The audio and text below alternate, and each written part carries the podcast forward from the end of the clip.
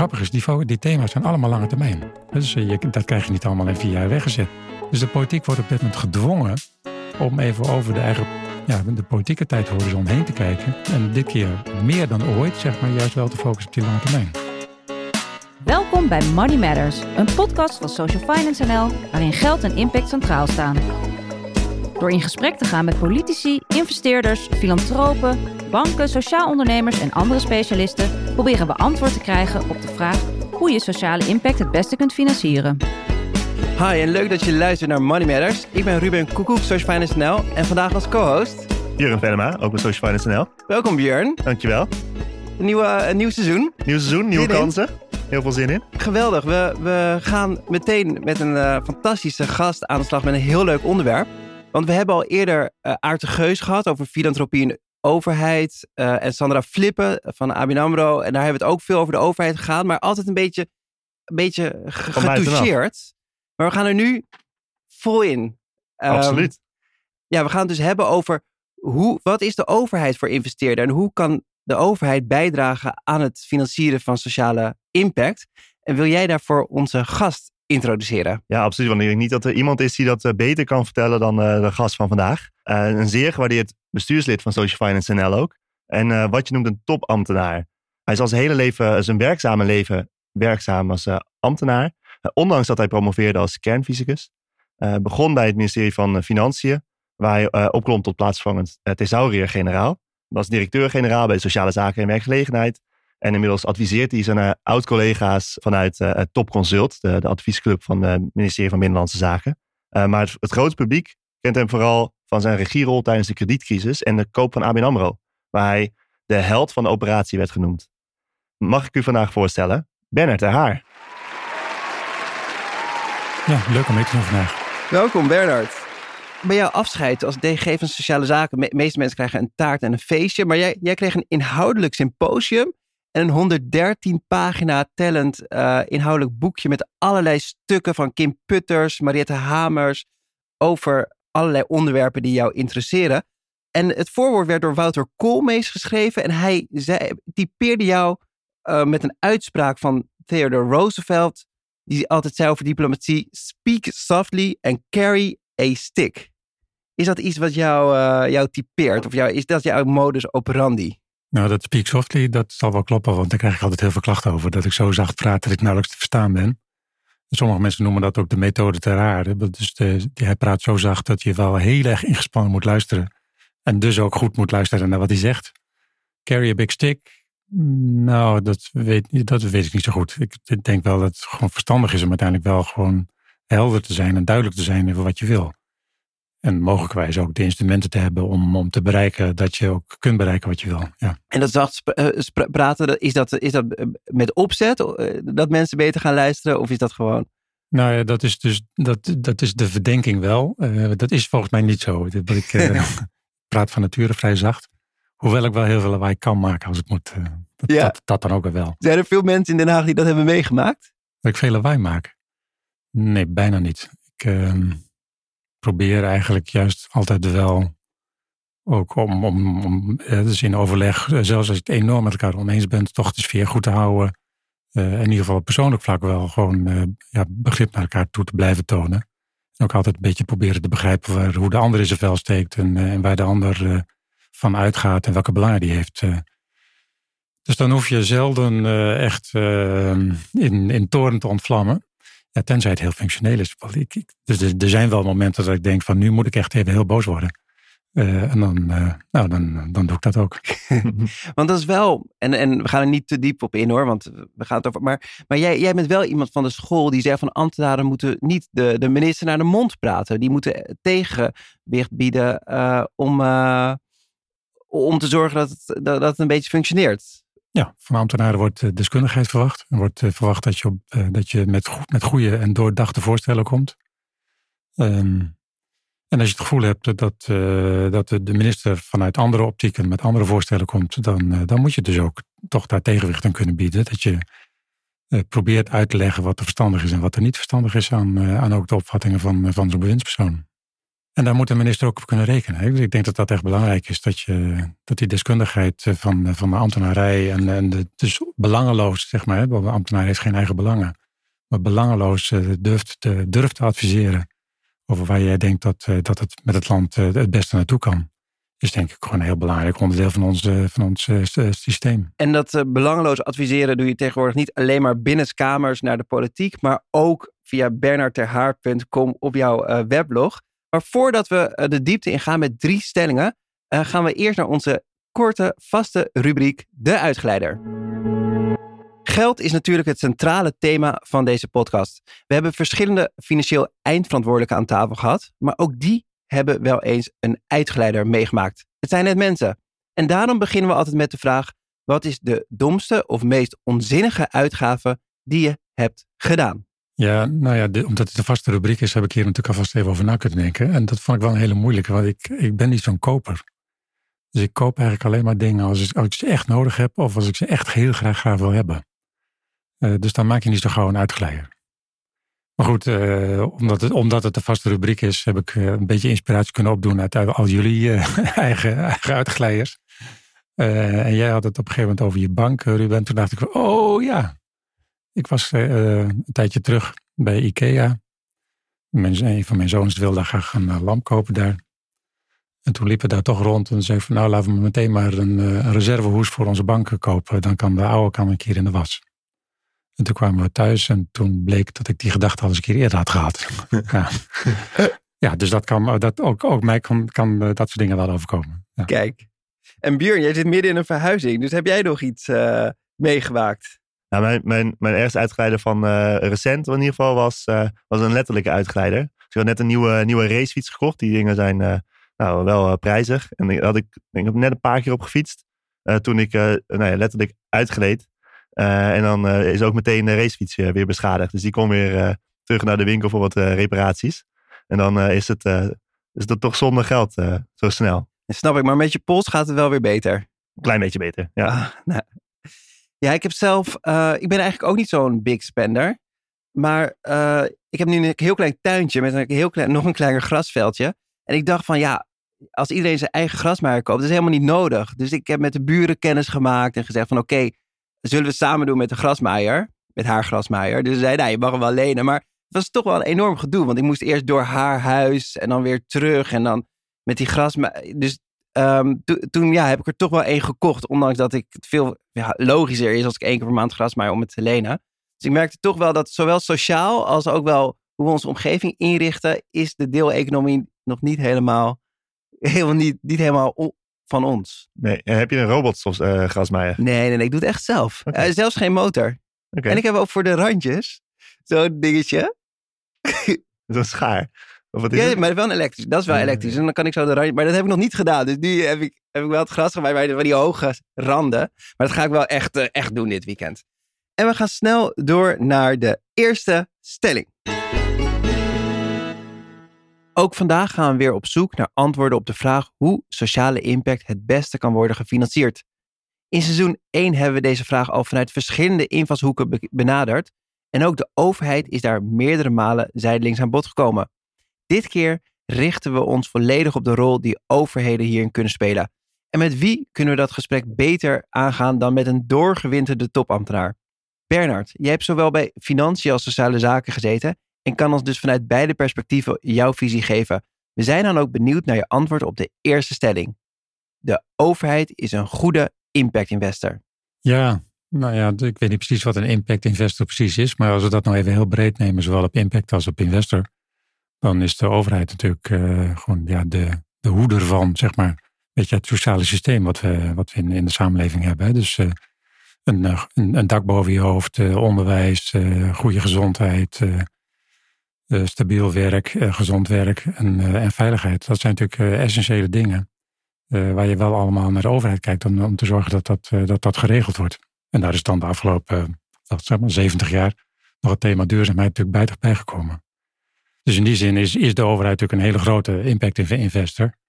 Um, ja, de vraag is of ze een goede zijn. Dus, en als we dan even kijken hoe het op dit moment ervoor staat met grote woningnood, grote sociale ongelijkheid, uh, met name bij de vermogenskant. onderwijskwaliteit die achteruit holt als je dat internationaal vergelijkt. Op het thema duurzaamheid zijn we, duurzame energie, zijn we ongeveer de slechtste van Europa. Op twee na, geloof ik. Ehm, dus we hebben wel heel veel steken laten vallen de afgelopen periode. Dus, dus ja, voor de overheid is, is impact en sociale impact natuurlijk ontzettend belangrijk. Want je bent echt gewoon de borger van het hele sociale stelsel. En het kan beter. En in een van je blogs maak je een berekening en, op, en je geeft aan daar, eigenlijk is er 350 miljard euro nodig om die, op die drie thema's die je net benoemt, om daar het verschil in te kunnen maken. Ja, dat is heel veel geld. Dus we hebben, we hebben echt achterstanden opgelopen. En we hebben ook eh, nou, de, nieuwe, de nieuwe wereld in te stappen. Dus eh, de 21ste eeuw is natuurlijk toch heeft eh, een paar hele bijzondere dingen die de vorige eeuw niet hadden. Namelijk dat thema duurzaamheid, wat echt prominent is. Klimaat en daarmee de noodzakelijke energietransitie. En de hele digitalisering. Wat ook een enorme aanslag weer doet op, op de oude kennis, zeg maar. Je moet je kennis dus enorm vernieuwen om mee te kunnen doen in, in het digitale tijdperk. Um, nou, plus de achterstanden in de infrastructuur, in de, in, wonen, zei ik net al. Dus de, en als je dat allemaal bij elkaar optelt, dan, dan kom je tot echt hele hoge bedragen. Dan is uh, zo'n Wopke Wiebesfonds van 20 miljard over vijf jaar, is daar dus echt helemaal niks bij. Dus er moet echt heel veel gebeuren. Dat, en dat is voor een deel achterstand en voor een deel ja, toch echt te zorgen dat je ook, ook op een goede manier de komende, de komende, de resterende deel van de eeuw goed, goed door, door kan komen. En als we dat geld, stel uh, we spelen 350 miljard uh, vrij. Nou, we zien nu een Wopke Wiebesfonds, je noemt al, de InvestNL, dat niet zo lang geleden is opgetuigd. is de overheid dan ook een goede investeerder? Zouden ze dan ook in staat zijn om die 350 miljard, of wat er beschikbaar komt, nou ja, effectief te investeren? Op, op, zich is dat niet zo moeilijk als je weet wat je wil bereiken. Dus, uh, en op de, op de thema's zoals we, zoals we dus net langs liepen, uh, is het ook ja, is het vrij helder wat je moet doen. Dus dat, uh... Mag ik daar, want je zegt het is eigenlijk niet zo moeilijk. Dus ik snap heel goed dat, dat je als beleidseconoom zegt, nou, dit moet je doen. En dat je daar ook consensus over vindt met de andere beleidseconomen. Maar, maar de politiek werkt anders. Die maakt andere keuzes dan, dan dat je als beleidseconoom maakt.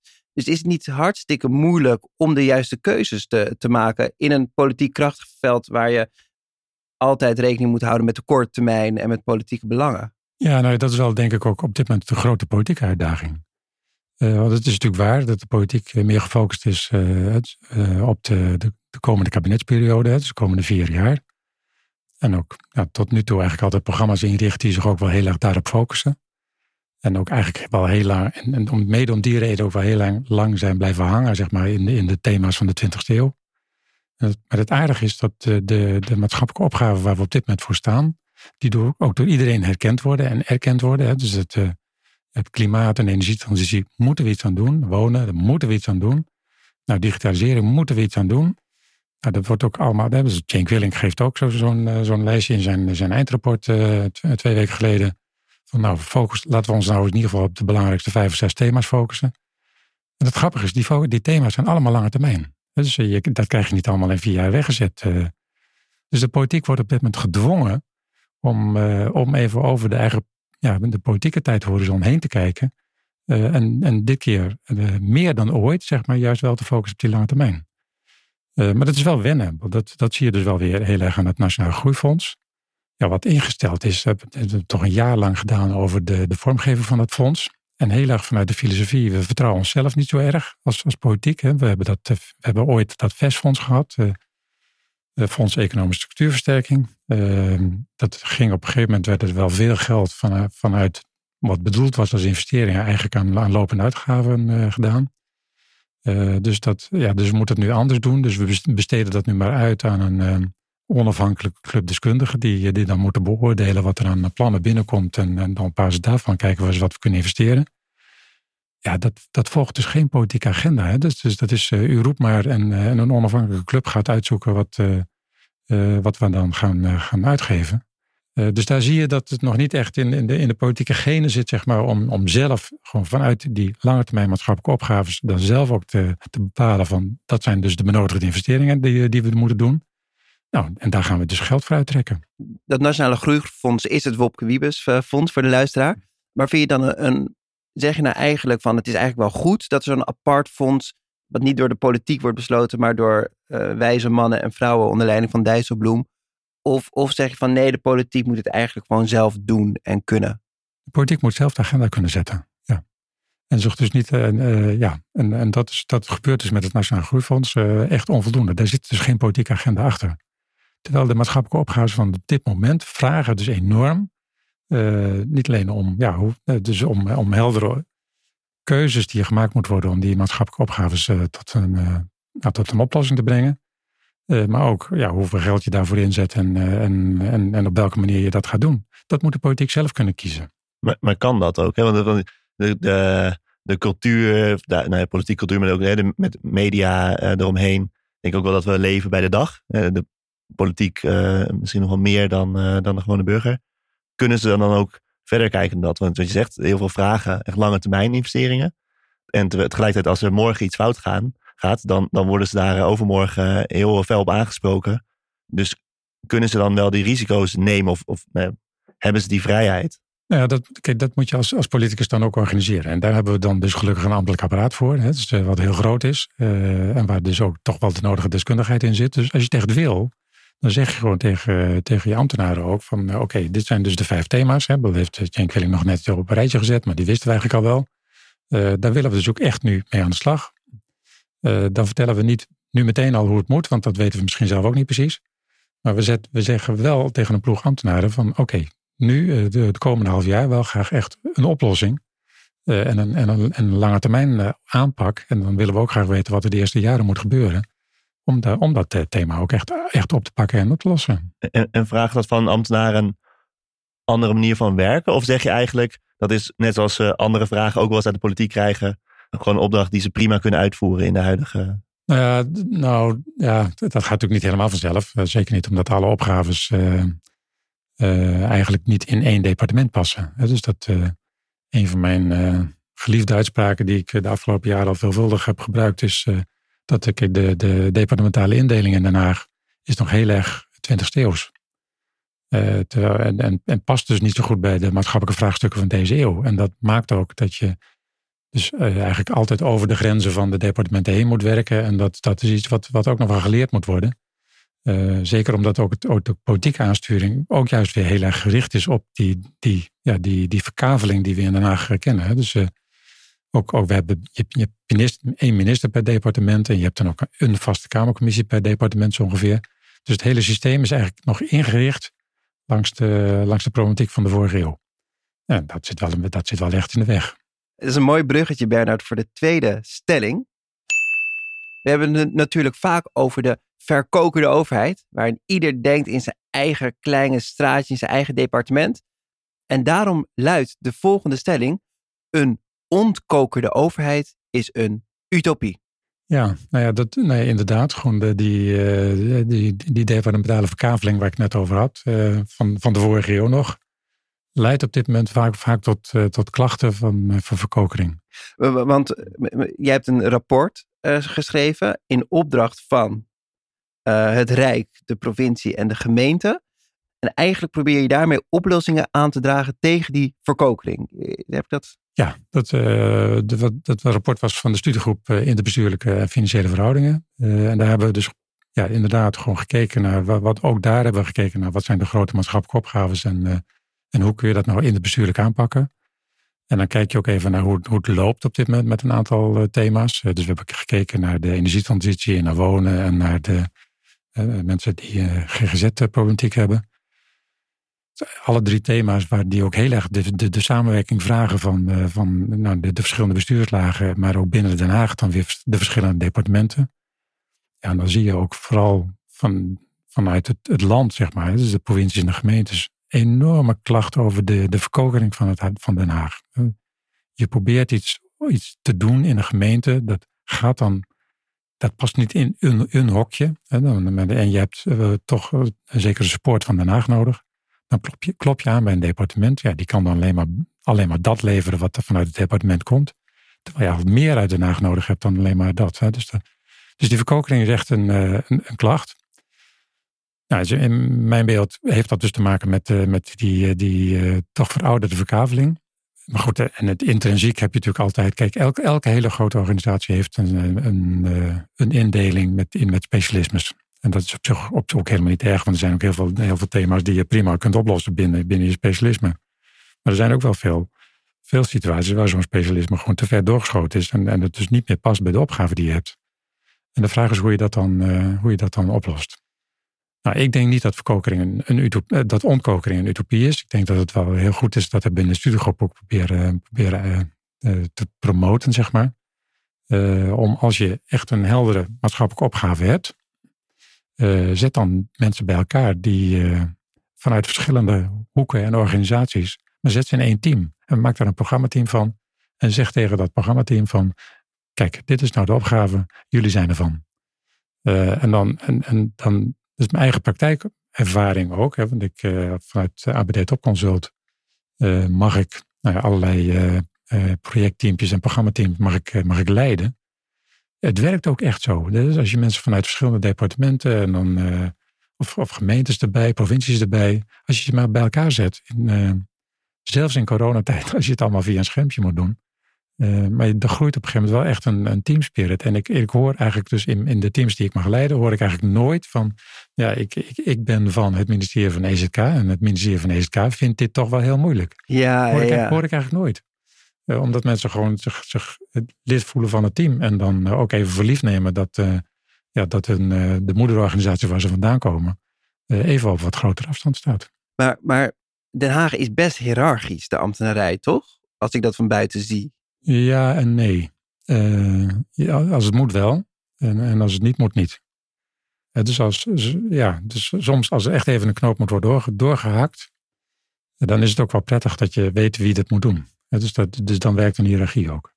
Als het gaat om het ontwikkelen van goed beleid of nieuwe ideeën of kennis bij elkaar brengen, dan is het juist heel verstandig om dan, dan niet hiërarchisch te, te zijn.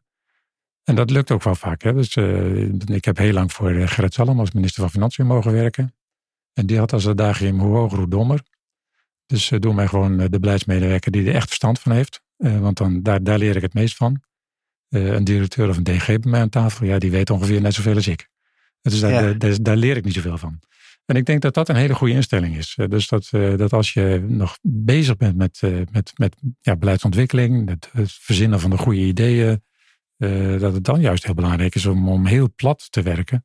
En, uh, en echt ja, de medewerkers uh, zelf ook het gevoel te geven dat ze ervan zijn. Wel, dat zijn. Het zijn ook allemaal professionals in Den Haag, dus ze kunnen het ook allemaal. Ja, nee, en ik dat Adagium heeft je meegenomen naar zijn werkgever daarna bij ABN AMRO. Um, maar wat mij bijvoorbeeld opviel, als je bijvoorbeeld met een ambtenaar een afspraak. Toevallig was, kwam, was dat laatste dat ik twee, drie keer werd een afspraak afgezegd. En bijna altijd was het van ja, ik, ik moet naar de DG of ik moet naar de SG of ik uh, naar de minister. Terwijl volgens mij, ik vond het prima. Soms was ik onderweg naar Den Haag, maar no worries. Maar dat laat wel zien van oké, mijn interne organisatie is belangrijker dan mijn externe. Terwijl bij een wat meer commerciële organisatie zal altijd, kan je altijd tegen je, tegen je CEO zeggen, of tegen de secretaresse van de CEO, ik kan dan niet, want ik heb een klant. Uh, en dat, dat gevoel, dat, dat moet volgens mij, als je echt naar buiten toe wil en met andere partijen wil samenwerken, andere departementen, maar ook in het veld, dan, dan moet je misschien wel een keer tegen de minister kunnen zeggen: Ik heb een belangrijke externe afspraak, daarna kom jij. Ja, dat is een goede. Dat is uh, inderdaad niet, uh, niet de bepaalde cultuur binnen het departement. Nee, nee. en maar indirect, want waarschijnlijk heb je daar nooit over nagedacht, maar waarschijnlijk als jouw secretaresse zei van, kan je even langskomen bij de DG?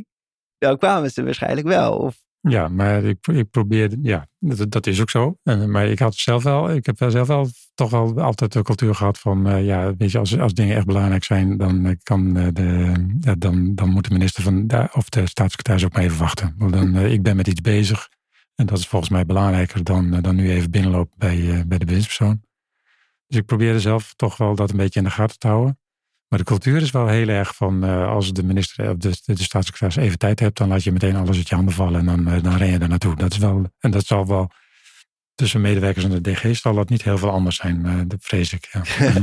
E-, even dit brugje naar het investeren. Hè? Want met Social Finance NL proberen we dus die ontkokering tegen te gaan, ook door, door met meerdere partijen te investeren in het maatschappelijk vraagstuk.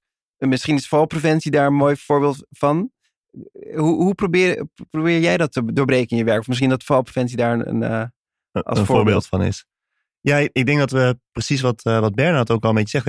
Eigenlijk willen we de, het, het vraagstuk wat meer centraal uh, stellen in plaats van de, de financieringstromen. Dus valpreventie is een mooi, mooi voorbeeld waarbij gemeenten zijn heel erg verantwoordelijk voor, voor preventie, met name in het sociaal domein. En onze zorgverzekeraars die zijn verantwoordelijk voor de zorg als er iets fout gaat. Dus als iemand gevallen is. Maar daardoor kijkt eigenlijk iedereen naar elkaar en zegt, zegt een verzekeraar, nou ik ik eh, zie wel wanneer ze in het ziekenhuis terechtkomen, dan ga ik de zorg leveren. En de gemeente die vindt het heel moeilijk om te investeren in preventie. Want eigenlijk zien ze daar niets van terug. Dat komt dan bij die zorgverzekeraars terecht.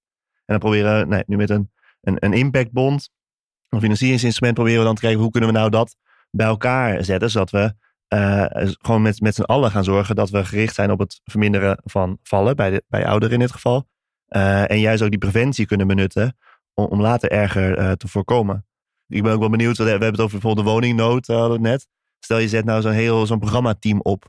Moet dat dan leiden tot effectievere uh, besteding van middelen of meer geld of ander beleid? Ja, ja. Ja, nou, dus, dat is de andere kant van de verkokering. Hè. Ik, ik, ik het net vanuit de beleidsontwikkelingskant. Dat als je te eenzijdig vanuit je eigen departement kijkt of vanuit je eigen organisatie, dan mis je gewoon veel op dit moment.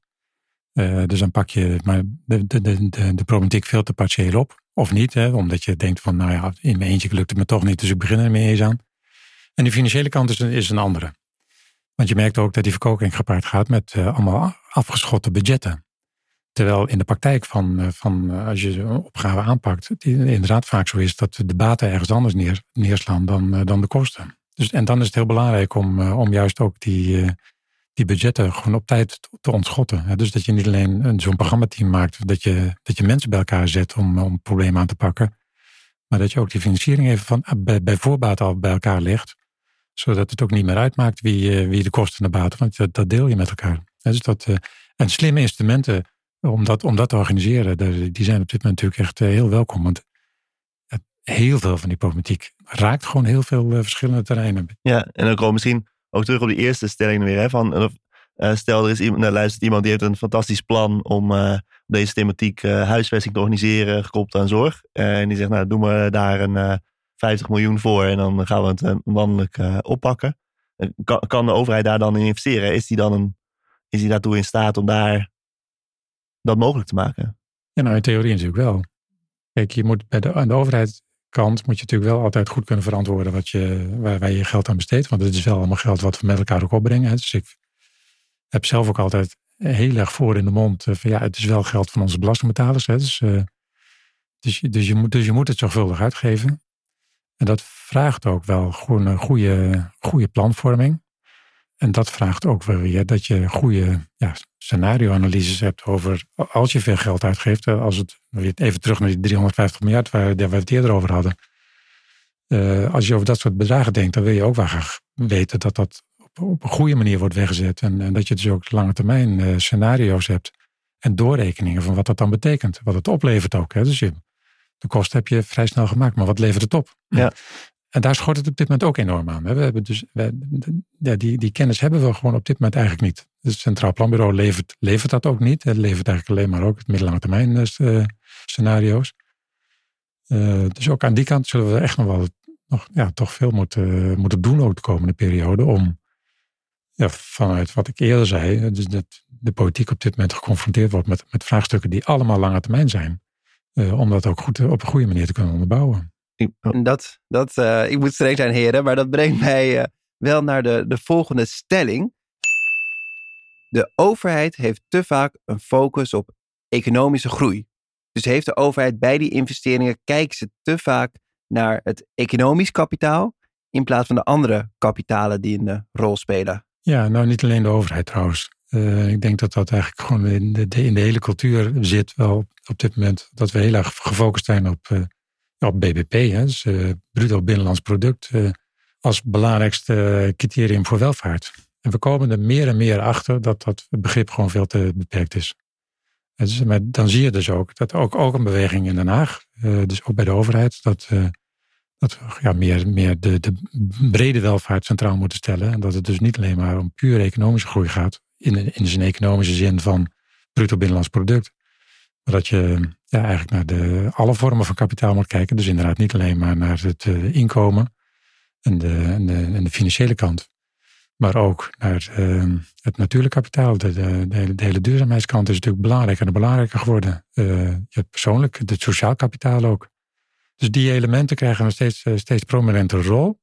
en dat is natuurlijk hartstikke goed. En, en, nou, maar ook daar zie je nog wel weer dat het dat, ja, dat nog best tijd kost om dat een beetje handen en voeten te geven. Hè. Dus uh, in die brede welvaartsmonitor, bijvoorbeeld van het eh, Centraal Bureau voor de Statistiek, wordt dan wel de verschillende kapitalen worden naast elkaar gezet. Uh, zeg maar, nou, het is niet alleen maar, alleen maar dat geld, maar het zijn ook de andere dingen. Uh, by the way, die andere dingen kunnen we nog niet zo goed meten. Dus we zijn nu bezig met het ontwikkelen van instrumenten om ook die andere, andere kapitaalvormen te kunnen meten. Dus het moet zich nog echt wel ontwikkelen. Nou, dat is wel een beweging die je ziet. Zelfs de studiegroep begrotingsruimte geld het komende kabinet mag uitgeven. Meestal wel heel erg gefocust juist alleen maar op, op het geld. Ja. kwam nu al met de aanbeveling om toch uit te gaan van, eh, van de brede welvaart uh, als, als begrip. Uh, als, als sturingsmechanisme voor de komende jaren. Nou, dus dat is, dat is één kant. Dus in Nederland hebben we dat, begint dat zich een beetje te ontwikkelen. Met name van, van de, vanuit de planbureaus, die, die brede welvaart. We zien internationaal natuurlijk ook heel erg de, de Social Development Goals nog ja, ook, ook een mooi breed begrip, die ook eigenlijk alle kapitaalelementen er wel, wel bevat. Uh, uh, gericht ook mondiaal. Hè, dus dat, niet alle SDG's zijn voor Nederland uh, even, even urgent, denk ik. Maar, maar ja, ook daar, juist, juist de volle breedte proberen te pakken, is, is wel een belangrijk element wat, wat echt nieuw is ten opzichte van, van waar we tot nu toe eigenlijk altijd op sturen. En je schrijft ook over um, in een van je blogs, kan niet, maar volgens mij ook in het FD-artikel, dat er een impact assessment moet komen. Dus dat er als er beleid komt, dat je eigenlijk, nou, zoals een impact investor van die eerste stelling ook doet, dat je kijkt van wat levert het financieel op en wat eh, op de andere kapitalen. Hoe moet ik dat voor me zien, zo'n impact assessment? Nou ja, kijk, um, als je een nieuw beleid ontwikkelt, uh, is het gewoon heel erg belangrijk om, om je zo goed mogelijk te vergewissen van gaat het beleid ook doen wat ik graag wil. Dus, uh, dus ik, ik, ik, ja, ik verzin nu iets, ik uh, maak daar een wettelijke regeling voor, ik geef daar geld voor aan uit. Maar, haal, ja, maar, regel, maar, krijg ik dan ook resultaat? En we hebben in Nederland niet echt een cultuur waarin we dat van tevoren goed nagaan. Nou, en dat is echt een gemis, denk ik. Dus uh, jarenlang gepleit voor, voor evidence-based beleid. Nou, dat, ook, ook, dat, dat is een begrip wat meer en meer op geld wel doet. Maar ja, nou, nou, nou, het kost nog wel een beetje moeite om dat ook, uh, ook uit de politieke aansturing eh, automatisch te krijgen. Hè? Omdat, uh, nou, kijk naar even hoe de, hoe regeerakkoorden tot nu toe tot stand kwamen. Dan gaan een groep mensen gaat bij elkaar zitten. Dan is een paar maanden bezig met het schrijven van, van, een, van een regeerakkoord. En daar staan dan allemaal beleidsdingen in. Maar die beleidsdingen zijn vaak daar aan tafel een beetje verzonnen. En daarvan is lang niet altijd bewezen dat ze ook gaan werken. En dat, ja, dat zie je dan ook, dat gewoon toch uh, veel beleid dan alweer uh, het minder, minder goed doet. Tegenvalt in zijn, in zijn, in zijn resultaten. Vaak wordt die resultaten dan ook overigens te vroeg beoordeeld. Hè. Dus de, ik roep ook wel eens dat heel veel systeemwijzigingen worden, worden aan hun kinderziektes al opgehangen en moeten dan alweer, dan alweer op, de, op de helling. En dan, zo kom je natuurlijk nooit ergens. Als je van kinderziekte naar kinderziekte rent. Maar je, nou ja, maar goed, dus probeer dat gewoon zorgvuldiger op te bouwen. Dus als, als je nieuw beleid ontwikkelt, probeer zorgvuldig op te bouwen. Uh, wat, uh, dat je weet wat, er, wat, het, wat het gaat doen. En die impact assessment is bedoeld om, om daar dus in, in de volle breedte, dus niet alleen maar ja, dus in de volle breedte van bijvoorbeeld uh, wat, wat doet het op de, brede welvaart, zo goed mogelijk te analyseren van oké, als ik deze maatregelen inzet, dan is dat het effect. En Björn, helpt het helpt het daarmee om samen te werken met investeerders of impact-investeerders met de markt? Dat, dat er meer evidence-based wordt gekeken of er meer impact-based wordt gedaan? Of juist niet? Uh, ja, ik denk, denk het wel. Ja, uh, ik bedoel, je moet altijd wel voorzichtig zijn, denk ik, met uh, per, per domein wat, wat de markt daarin kan doen. En, en, en zorg dat je dat op de goede manier organiseert. Er zijn ook voldoende voorbeelden, denk ik, waar, waar het heel ingewikkeld is om de markt voor publieke doelen te, te benutten. Maar uh, je brengt wel een soort van, uh, ja, we hebben het Engelse woord uh, rigor, een soort van verdieping mee. En als een investeerder ergens in investeert, dan gaat hij ook zich echt vooral verdiepen of, of of nou, of evidence-based is, maar of het anders, als het nog geen evidence-based is, wel of het kans van slagen heeft. Of die investeerder zijn of haar geld terug kan krijgen. Dat vereist juist die blik vooraf, grondig je onderzoek doen, goed nadenken, risicoafwegingen maken. En daar dan ook af en toe gewoon weten dat je je daar de komende tien jaar aan, aan verbonden hebt. Ik denk dat, dat soort elementen, die, die denk, investeerders met zich meebrengen, dat zijn wel dingen waar ook een overheid van kan leren. Ja, strengheid misschien. Strengheid. Streng, ja, streng, streng voor jezelf en streng voor de, de organisaties, partijen of de, de, de beweging die je, die je kiest. Ja, maar, zeg maar dat soort instrumenten kun je eigenlijk alleen maar inzetten als je het ook daaronder onder legt. Van ja, we hebben maximaal de kennis bij elkaar gescharreld om, uh, om ja, de, de, garantie op de resultaten te kunnen geven. Hè. En 100% garantie heb je natuurlijk nooit. Maar alle kennis die beschikbaar was om, dat, uh, om, zo dicht mogelijk erbij te komen, die, die hebben we er ook ingezet. Anders kan zo'n instrument ook helemaal niet werken. En dat is het mooie van, uh, van dit soort, dit soort financiersconstructies ook. Dat je, dat je aan, juist door die constructie te kiezen, eigenlijk automatisch ook afdwingt dat je, dat je goed gekeken hebt naar die impact van tevoren. En, en nee, ja, ik wil wel, hoe, hoe zorg je dat, je dat je dan ook iedereen meeneemt daarin? Hè? Dus zorg je dat je niet, niet alleen investeert in dingen die het geheel vooruitbrengen, maar ook juist zorgt dat die, die onderste, uh, nou, soms meest gemarginaliseerde groepen daar aandacht in krijgen.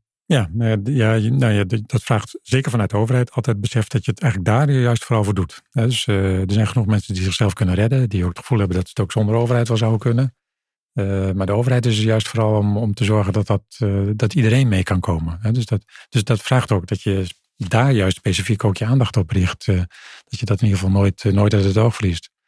En dat is soms ook best ingewikkeld. We, we zijn natuurlijk toch gewend om vanuit allerlei professionele circuitjes gewoon dingen te verzinnen. En die vaak heel vaak ver afstaan van, van, de, ja, van de, die kwetsbare Nederlander waar je het voor doet. Is het, is het ook, want um, dus we komen uit een periode, zeg maar de jaren 70 en 80, massawerkloosheid. Dus de stelling, de overheid heeft te vaak een focus op economische groei. Dat idee van, oké, als we banen creëren, dan zorgen we juist dat die mensen met, die het moeilijk hebben, dat die een baan hebben. En nou, ik herinner nog uh, Rutte bij Obama van jobs, jobs, jobs. Dat was nog steeds zo'n adagium. Maar komen we nu niet in een periode dat economische groei, slechts baancreatie, dat we daar misschien van af moeten stappen? Dat dat niet het grootste probleem is, maar dat we op hele andere, juist op een hele andere problemen moeten focussen, zoals sociale ongelijkheid, uh, de natuurlijke, de natuurlijk kapitaal wat verdwijnt. Maar dat we eigenlijk af moeten stappen van dat idee wat we misschien ons hele leven, misschien zelfs jouw hele leven, een soort van uh, dominant is van we moeten zorgen dat er genoeg banen zijn. Ja, het is natuurlijk niet of-of. Dus het is niet zo dat we nu niet meer uh, hoeven na te denken over de, of, of uh, iets als volledige werkgelegenheid. althans, dat zo dicht mogelijk te benaderen. Want het is nog steeds voor mensen heel prettig om gewoon het, het, gevoel te hebben dat ze kunnen participeren in deze samenleving. Door ook zinvol werk te doen. dus dat blijft. en we, maar we hebben op dit moment natuurlijk wel de luxe dat we ehm, bijna iedereen aan het werk hebben die, die ook wil werken. Dus de werkloosheidscijfers zijn natuurlijk heel laag. Nog niet helemaal de luxe dat iedereen ook doet eh, wat hij uh, wat leuk vindt om te doen. Uh, en, en, en, de onzekerheid rond flexwerk is natuurlijk best groot. Dus, dus iedereen zit nog. Dus dat hebben we nog niet helemaal voor elkaar. Maar, maar het is wel zo dat, ja, dat het belangrijker en belangrijker wordt om juist ook op die andere dingen gewoon meer aandacht te geven. Ja, nou, dus daar moeten we ook echt, echt, echt mee aan de slag. Misschien een, voorbeeld. We zitten hier in Amsterdam zitten twee Amsterdammers aan tafel. En Amsterdam probeert internationale bedrijven naar, naar, hier naartoe te trekken. Ook uit Londen, allerlei financiële eh, partijen. Maar de, de vraag is natuurlijk, wat heeft de inwoner van Amsterdam daar aan? Tenminste, ik zie de huizen worden duurder, het wordt drukker in de stad. Moeten we ons ook niet meer de vraag stellen van, oké, het, het heeft, er komt economische groei, dat zal ook baancreatie. Maar wat hebben we nog meer als maatschappij als we als overheid dit bedrijf of deze sector stimuleren? Moeten die vraag niet veel meer stellen? Ja, en dat, en dat maakt dus dat je ook uh, meer inzicht nodig hebt in, uh, uh, in, in, hoe ontwikkelt het een, het een en ander en hoe verhoudt zich dat ook het, het, het een ten opzichte van het ander. Dus we hebben ook heel lang het toerisme enorm ge, gepromoot. nou, dat weten de Amsterdammers ook wat dat effect is. we hebben in Nederland natuurlijk een, een hele grote veeteelsector. Nou, dat is ook, ook zo'n vraagstuk. We hebben heel lang gepromoot. Daar zijn we trots op dat we de, de, de tweede exporteur ter wereld zijn hè, van agrarische producten. Maar ja, het effect is dus wel dat wij uh, uh, op dit moment dus heel veel uh, voer en zo en, en, en importeren. Dat we de, de, de uitvoer van al die veeteelt exporteren. En dat we hier in Nederland met de mest blijven zitten. En met, met, met de stikstof. Dus op een gegeven moment moet je, moet je wel dus daar doorheen durven kijken. En, en durven zeggen van ja, weliswaar is het, een, is, het, is het een economische sector. En levert hij ook werkgelegenheid en, en, en ook nog een klein beetje winst op. Overigens niet zo heel veel. Maar in het grotere geheel van, uh, van dus de, de, alle, alle kapitaalsoorten bij elkaar, is, de, is, de, is de, de last gewoon veel groter dan de, dan de opbrengst. En dan moeten we het dus toch veranderen.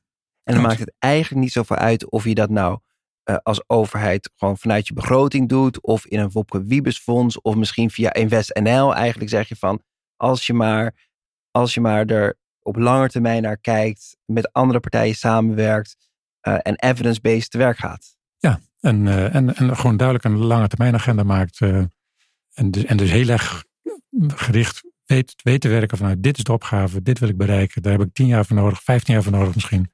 Maar ik ga het wel doen. En ik heb er goed over nagedacht, dus ik weet wat het op, de, op, die brede definitie van welvaart uh, wat het doet. Dus ik weet dat het ook echt goed is voor het land. En dan, dan, ja, dan werk ik met plezier aan en dan durf ik het aan de belastingbetaler over uit te leggen dat dat geld kost. Ter afsluiting, want ik, lees je blogs en daar, dat is bijna altijd best wel positief. Dus je, je kaart een bepaald probleem aan, geeft een analyse en komt, eindigt bijna altijd positief. Maar, maar je laatste blog maakt me toch een beetje zorgen. Eigenlijk de laatste twintig jaar heeft de Nederlandse overheid het op bijna alle terreinen af laten weten. Ja, ja, ik denk wel echt dat we. Maar dat was toch weer een oproep tot het gezonde verstand, zeg maar. Uh, dus in die zin is het dus niet, niet puur kritisch bedoeld, maar wel om gewoon weer even een, een reset uh, te zetten, zeg maar.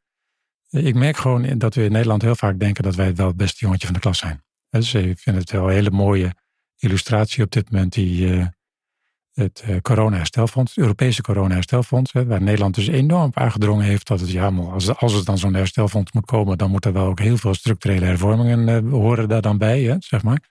Dan, dan denkt Nederland van ja, dat gaat dus over Zuid-Europa. Nou, is dat herstelfonds er? Dan mogen alle landen plannen indienen. Daar horen dan ook structurele hervormingen bij. Ja, en wie, uh, wie lukt het dus nu niet om, om plannen in te dienen? Nederland. Hè? Dus, uh, omdat, mhm. ja, die, die slag hadden we even niet gemaakt. Dat de structurele hervormingen misschien dan ook op, op Nederland zelf zouden slaan. En dat we natuurlijk één van de, van de landen zijn en dus niet gewoon uh, daarboven zweven. maar dat we gewoon onderdeel zijn van dat geheel. En dus, dus ook mee moeten doen. En dus ook uh, gewoon. en ik, nou, in, die, in, in, in, mijn laatste blog laat ik op een hele hoop beleidsterreinen zien dat Nederland ja, hooguit, tot, hooguit tot de middelmaat behoort. En we hebben natuurlijk allemaal meegemaakt ook dat uh, bij het hele vaccinatiebeleid uh, Nederland een beetje onderaan bungelde in, in Europa. En ik denk dat het belangrijk is om te, om te beseffen, gewoon om, om gezond en verstandig beleid te voeren, dat je echt een opgave hebt om tot, tot de betere groep te behoren. Dat dat dus niet vanzelf gaat en dat we ook niet automatisch daarin in terecht zijn. Uh, dat, daar horen we, vinden we misschien zelf wel in thuis. Maar dat gaat niet zonder dat, dat je daar heel hard voor moet gaan werken. En, uh, en de, de zelfgenoegzaamheid die, we in, die in Nederland toch wel een beetje eigen is. Ja, we zitten toch eigenlijk altijd wel bij de top drie. Ja, die is, die is onterecht. En als, en als je dat eenmaal beseft, dan kun, je, dan kun je er ook mee aan de slag. En, uh, en dat, is eigenlijk mijn, dat is eigenlijk mijn oproep. Dus in die zin is het wel toch wel weer heel positief en uh, constructief bedoeld. Ja, laat, je, laat jezelf niet in slaap sussen met, met die zelfgenoegzaamheid. Je moet er gewoon hard voor werken. En dan kan het ook lukken. Nee, ik wil zeggen, we zijn gewoon een beetje lui geworden eigenlijk. Klinkt het zo. Ja, nou, dat is het ook, denk ik. Dankjewel, eh, Bernard. En in deze aflevering hebben we het gehad over de rol die de overheid uh, speelt bij het financieren van sociale impact. Björn, wat is jouw belangrijkste takeaway? Nou, mijn belangrijkste takeaway is denk ik dat uh, de overheid misschien nog wel meer dan, dan gedacht in ieder geval in staat moet kunnen zijn om een hele goede impact investor te zijn. En dat, uh, dat alles, de, alle ingrediënten er zijn. Alleen het vereist soms misschien gewoon de juiste keuzes, als ik Bernard zo hoor. De keuze voor een lange termijn blik, de keuze voor uh, samenwerking, de keuze voor uh, de maatschappelijke opgaves uh, waar je aandacht aan gaat besteden. Maar dat het verder allemaal er is. Dus eigenlijk is dat heel hoopgevend. en zeker met een nieuw, potentieel nieuw regeerakkoord voor de deur, biedt dat misschien ook wel allemaal kansen om de komende jaren daar een flinke stap op te maken. Dus ik ben hoopvol gestemd. Nou, dat, dat, dat klinkt goed. Ik vind het ook fascinerend in dit gesprek, maar ook in je blog bernardterhaar.com Um, .nl. Oh, .nl. Oh, excuus. nou, ik heb hem toch gevonden. Bernard.nl. uh, die, zeg maar die, die machten van de ambtenarij en de politiek. En uh, eigenlijk de vergezichten die, die, die, worden geschetst, maar toch de politiek die daar ja, in de waan van alle dag toch mee aan de slag moet. Wat, wat mij ontzettend uh, lastig vind. Die dynamiek vind ik hartstikke interessant. En ook de, aan de ene kant hè, zeggen we hier over de, de ontkokering moet gaan starten en je moet over de dijk heen kijken. Maar aan de andere kant moet de overheid ook echt die regierol pakken en dat, dat eigen belang vastpakken. En niet zomaar met de markt uh, gaan samenwerken. Dus dat vind ik ontzettend uh, interessant. Bedankt voor dat uh, inkijkje. Um, en eigenlijk toen we je uitnodigden, dachten we nou eind of, mei, dan is vast wel de onderhandelingen zijn in volle gang, die formatie. En we gaan even kijken hoe je daar tegenaan kijkt. Nou, dat, dat hebben we niet behandeld, maar misschien dat we in een special daar nog wel over terug kunnen komen als het, uh, als het zover is. Um, maar Cenk Willing heeft wel zijn ronde gemaakt.